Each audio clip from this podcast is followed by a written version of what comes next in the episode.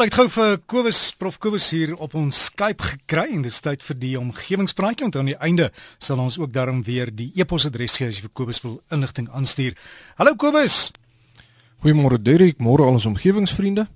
Ek het verlede week my opgewondenheid uitgespreek oor die groot aantal windplase wat oral oor ons land begin vorm aanneem en toe ook so 'n bietjie vertel van die ontsaglike grootte van die windturbines. En in reaksie daarop het Dr. Siwele Heatkamp van die South African Centre for Carbon Capture and Storage en ook Ilona Viljoen van BirdLife Africa vir my geskryf en hulle kommer uitgespreek oor die groot aantal voëls en vlermuise wat gedood word deur die draaiende lemme van die windturbines. Nou 'n interessante artikel wat Dr. Heatkamp vir my aangeheg het, is bewys dat selfs die skokgolf van so 'n draaiende lem genoeg is om 'n vlermuis dood te maak as hy naby aan die lem verbyvlieg En dis omdat die punt van so 'n lem oor die 300 km per uur deur die lug kan beweeg, al lyk dit vir ons of die lemme maar redelik stadig in die rondte draai.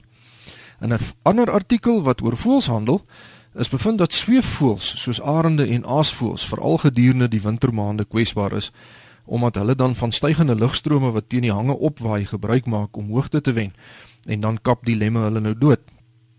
Maar dieselfde artikel kom ook tot die gevolgtrekking dat voëls gewoonlik 'n redelike vaste roete volg. Uh, dit beteken dat voordat mense nou 'n windplaas oprig, daar 'n detail waarneming van voëls en vlermuise se vliegroetes gemaak moet word sodat mense die turbines dan nou kan plaas waar dit die laagste risiko vir ons vleiende bure sal inhou. My persoonlike mening is dat ons eintlik nie meer 'n keuse het nie, want die alternatiewe benadering naamlik om afhanklik te bly van fossielbrandstowwe hou 'n baie groter risiko in vir die omgewing as weldeurdagte, goed beplande groen energiebronne. Ek kan my voorstel dat die gefokusde bundel sonstrale by 'n gekonsentreerde sonkragstasie ook gevaarlik kan wees vir voëls en dieselfde geld natuurlik vir 'n voeltjie wat op die pype gaan sit wat in die fokus van die spieëls by paraboliese sonkragaanlegte is.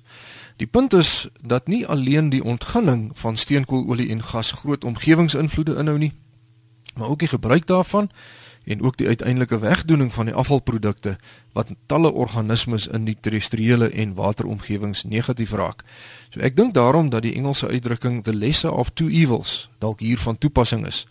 En indien mense dan nou met die nodige omsigtigheid die voorkeur vliegroetes van voëls en vlermuise vermy by die plasing van windturbines, dit 'n beter opsie is as fossielbrandstowwe. Maar dit bly natuurlik 'n probleem wat definitief verdere navorsing regverdig. Baie dankie Dr. Hietkamp en ook uh, Ilona Viljoen vir u briewe.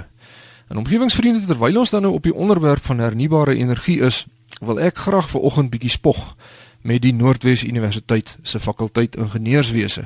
En wel oor die feit dat ons die eerste universiteit in Suid-Afrika is wat 'n volledige sonkragopleidingsentrum in gebruik geneem het so 2 weke gelede.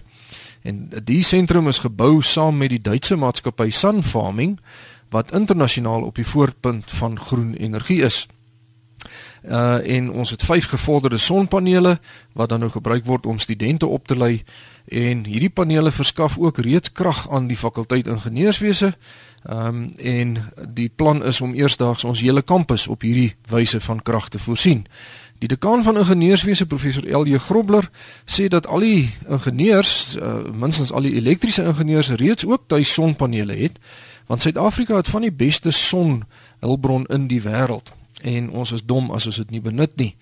Ehm um, en benewens dit alles het 20% van Noordwes se inwoners steeds nie toegang tot elektrisiteit nie. En as ons nou sonkrag vir die mense kan gee, dan kan dit hulle lewenskwaliteit baie verbeter, dit kan werk skep en dit het 'n lae invloed op die omgewing. En dink byvoorbeeld daaraan dat kinders dan dan saans 'n lampie sal kan aanskakel om hulle huiswerk te doen of te kan studeer en dit is iets wat ons land baie nodig het. Volgens professor Jan de Kok, die projekbestuurder van hierdie aanleg, word sonpanele nou baie goedkoper en die bedryfskoste daarvan is baie laag omdat dit amper geen instandhouding verg nie. Uh, nou ek is baie ingenome met hierdie verwikkeling by ons universiteit en dit volg natuurlik op die groot sukses wat die Pikse elektriese ingenieurs vroeër verjaar behaal het met 'n karretjie wat hulle gebou het wat uitsluitlik met sonkrag aangedryf word. Miskien onthou ons omgewingsvriende dat die Pikse sonkar deelgeneem het aan die Sasol Solar Challenge waar 12 internasionale spanne teen mekaar gekompeteer het in 'n 11 dag kompetisie waar son-aangedrewe motors 5200 km moes aflê. En die Pik het die klas eh, waaraan hulle deelgeneem het gewen teen gedigte teestanders wat 'n Japanse span ingesluit het met 'n motor wat 22 keer duurder was as die Pikse motor. Nou in die proses het ons span verskeie nasionale en internasionale rekords gebreek en al het ek self nou niks met die kompetisie uit te waai gehad nie en ek is ook nie 'n ingenieur nie, is dit nogtans vir my baie lekker dat ons fakulteit ingenieurswese op die voorpunt van die ontwikkeling en aanwending van sonenergie in Suid-Afrika is. Want dis natuurlik nie net goed vir ons universiteit en ons studente nie, maar dis uitstekende nuus vir ons omgewing. Nog goeie nuus is dat hierdie tegnologie skynbaar heelwat vinniger ontwikkel as wat ons almal verwag 'n gesaghebende navorser van die Stanford Universiteit in die VSA, professor Tony Seba, het onlangs 'n boek gepubliseer waarin hy voorspel dat teen so vroeg as 2030 sonkragopwekking die gebruik van fossielkragstasies tot 'n groot mate gaan vervang en ook dat elektriese motors ons huidige petrol en diesel aangedrewe motors eersdaags gaan vervang. Hierdie voorspellings is nou nie sommer uit sy duim gesuig nie, maar dis gegrond op werklike tendense met betrekking tot die toenemende effektiwiteit van sonkragtegnologie, asook die feit dat die tegnologie baie vinnig goedkoper word. Professor Seba het gekyk na ander tegnologieë soos die internet, die rekenaar, kommunikasie en fotografie wat net in 'n paar jaar verbuisterend ontwikkel het. En hy het daai tendense nou toegepas op die ontwikkeling van sonenergie en hy is van mening dat teen 2030 groot kernkragstasie steenkool, gas en olie vir alle praktiese doeleindes dalk iets van die verlede gaan wees en dat hierdie reuse landswye kragnetwerke, die hoogspanningsdrade, vervang gaan word deur gedesentraliseerde mininetwerke waar son- en windkrag opgewek en gestoor gaan word vir byvoorbeeld individuele dorpe of individuele nywerhede. Hy verwys na die Amerikaanse elektriese motor die Tesla uh, wat groot sukses behaal het nadat dit vroeër verjaar aangewys is as die motor van die jaar in Amerika. So elektriese motors is nie net meer iets wat wat uh, snaakse mense mee rondspeel nie. Dit is 'n motor wat jy kan koop uh, en gebruik elke dag. En hier by ons sien ek dat een van ons groothandelaars ook nou 'n elektriese motor um, te koop aanbied. Uh, en die loopkoste van so 'n elektriese motor is minder as die helfte as die van 'n petrol of diesel aangedrewe motor. En alhoewel nou ons nou tans in Suid-Afrika 'n tekort aan elektrisiteit het, is dit 'n tydelike situasie want daar is nou verskeie kragstasies in aanbou en benewens dit skiet die groen energieprojekte reg oor ons land teen 'n groot tempo op.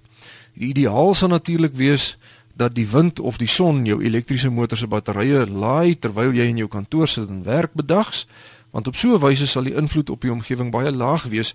Maar selfs al laai jy nou die batterye met krag wat met steenkool opgewek word, in die, in die, deur die nag gaan die omgewingsinvloed nog steeds laer wees as 'n vergelykbare petrol of dieselmotor omdat 'n elektriese motor se energieverbruik maar net omtrent die helfte van die van 'n gewone motor is. Nou tans is elektriese motors slegs geskik vir stede omdat die reikwydte beperk is. Jy kan maar omtrent 100 km ry voor jy die batterye weer moet laai. Maar eh, dit is heeltemal goed genoeg vir 'n stad en as ek dink hoeveel van ons stedelike omgewingsvriende uh graag omtrent helfte van hulle maandelikse brandstofuitgawes sal wil bespaar, dan is ek geneig om saam met professor Seba van Stanford te stem dat ons dalk eersdaags vinniger as wat ons dink talle elektriese motors van 'n wye verskeidenheid uh, vervaardigers op ons paaie sal kan sien. Uh dit gaan miskien teen 'n heel wat vinniger tempo in die eerste wêreld posvat as hier by ons, Maar ek dink nie Suid-Afrika gaan te ver agter die res van die wêreld wees nie gegeewe die opleidingsfasiliteite en ons sukses op hierdie gebied waarvan ek vroeër vertel het. Derek, ek sien my tydjie is om. Net voor ek groet vir oggend, wil ek graag vir die omgewingsvriende in die Lichtenburg distrik uh vertel dat ek self Theo Venter, die politieke ontleder, uh Leon Proseski en ook Joshua Lamprechts uh DV eerskomende donderdag die 26ste September met boere gaan gesels by Lichtenburg se boeredag. Ehm um, so as jy saam met ons wil kom kuier, is jy baie welkom. U kan meer inligting kry by die Staatsveeartskantoor op Lichtenburg. daarmee sluit ek af. My rekenaaradres is kobus.vanderwalt@nwu.ac.za en my posadres is die fakulteit Natuurwetenskappe, Noordwes Universiteit, Potchefstroom 2520. Vriendelike groete tot 'n volgende keer. Dankie Kobus en as jy daai e-posadres nie kan mooi skryf nie, hier is hy weer. Kobus met 'n K, Kobus dan 'n punt van der Walt, skryf jy van aan mekaar Kobus punt van der Walt by nwu.ac.za. Een van die dae gaan ons almal dan in daai elektriese motors kan rondry.